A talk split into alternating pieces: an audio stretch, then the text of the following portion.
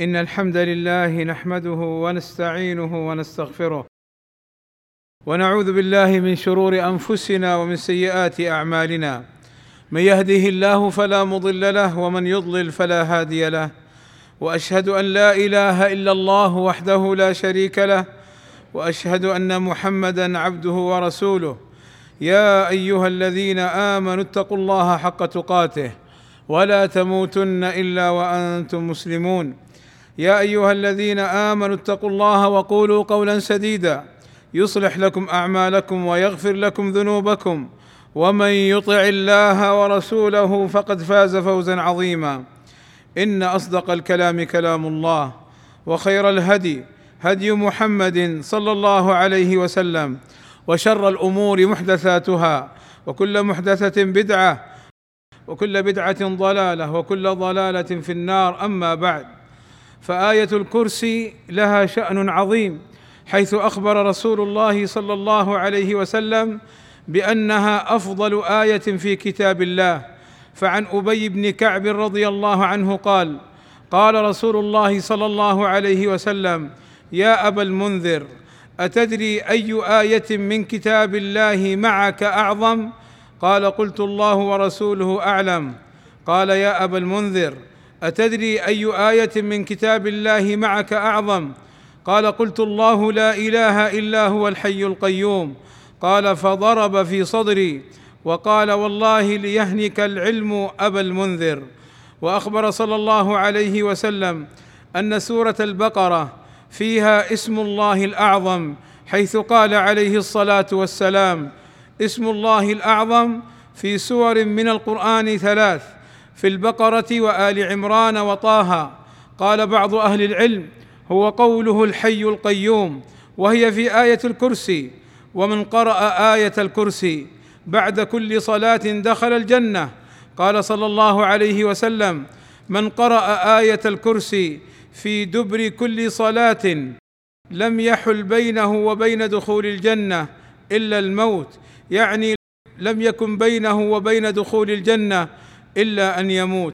وجاء في حديث أبي هريرة رضي الله عنه حين أتاه الشيطان فآذاه فأمسكه فقال له الشيطان إذا أويت إلى فراشك فاقرأ آية الكرسي من أولها حتى تختم الآية.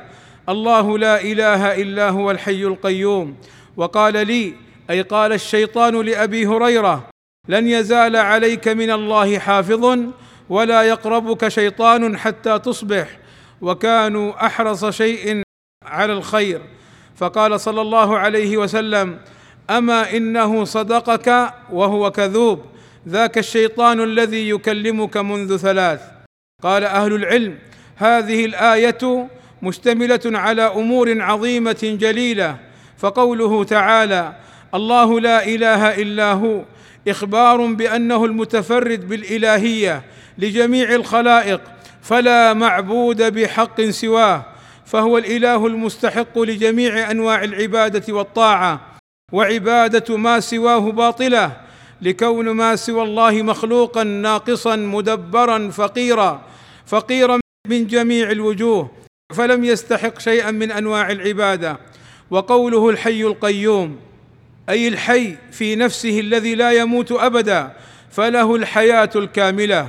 والقيوم هو الذي قام بنفسه وقام بغيره فجميع الموجودات مفتقرة إليه وهو غني عنها ولا قوام لها بدون أمره.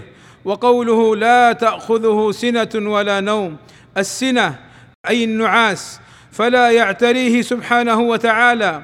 نقص ولا غفلة ولا ذهول عن خلقه ولا نوم. قال صلى الله عليه وسلم إن الله لا ينام ولا ينبغي له أن ينام.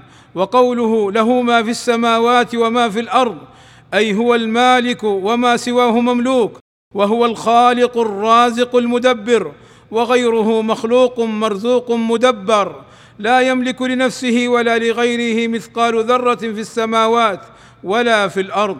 وقوله من ذا الذي يشفع عنده إلا بإذنه أي لا أحد يشفع عنده بدون إذنه فالشفاعة كلها لله تعالى ولكنه تعالى إذا أراد أن يرحم من يشاء من عباده أذن لمن أراد أن يكرمه من عباده أن يشفع فيه. لا يبتدئ الشافع قبل الإذن والله أسأل لي ولكم التوفيق والسداد وأن يغفر لنا الذنوب والآثام إنه سميع مجيب الدعاء.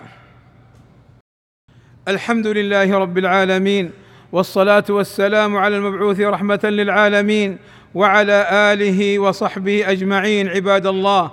قوله تعالى يعلم ما بين أيديهم وما خلفهم. يعلم ما بين أيديهم أي ما مضى من جميع الأمور وما خلفهم أي ما يستقبل منها.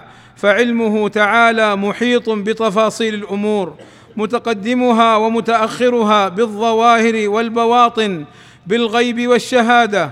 والعباد ليس لهم من الأمر شيء ولا من العلم مثقال ذرة إلا ما علمهم الله تعالى.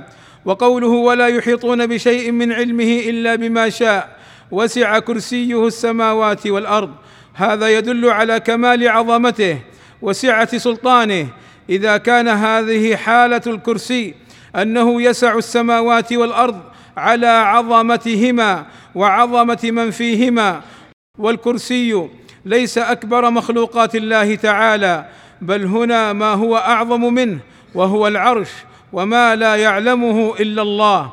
وفي عظمة هذه المخلوقات تحير الأفكار وتكل الأبصار وتقلقل الجبال وتكع عنها فحول الرجال فكيف بعظمة خالقها ومبدعها؟ والذي أودع فيها من الحكم والأسرار ما أودع. والذي قد أمسك السماوات والأرض أن تزولا من غير تعب ولا نصب. وقوله ولا يؤوده أي لا يثقله سبحانه وتعالى. حفظهما وهو العلي بذاته فوق عرشه. علي بقهره لجميع المخلوقات. علي بقدره لكمال صفاته العظيم الذي تتضاءل عند عظمته جبروت الجبابرة وتصغر في جانب جلاله أنوف الملوك القاهرة. فسبحان من له العظمة العظيمة والكبرياء الجسيمة والقهر والغلبة لكل شيء.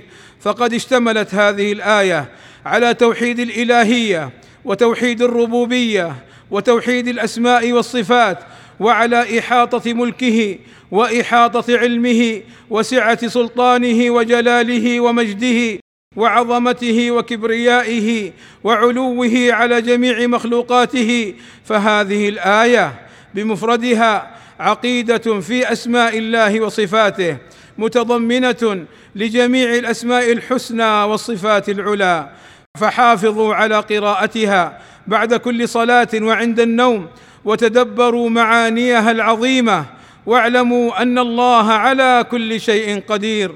عباد الله إن الله وملائكته يصلون على النبي. يا أيها الذين آمنوا صلوا عليه وسلموا تسليما.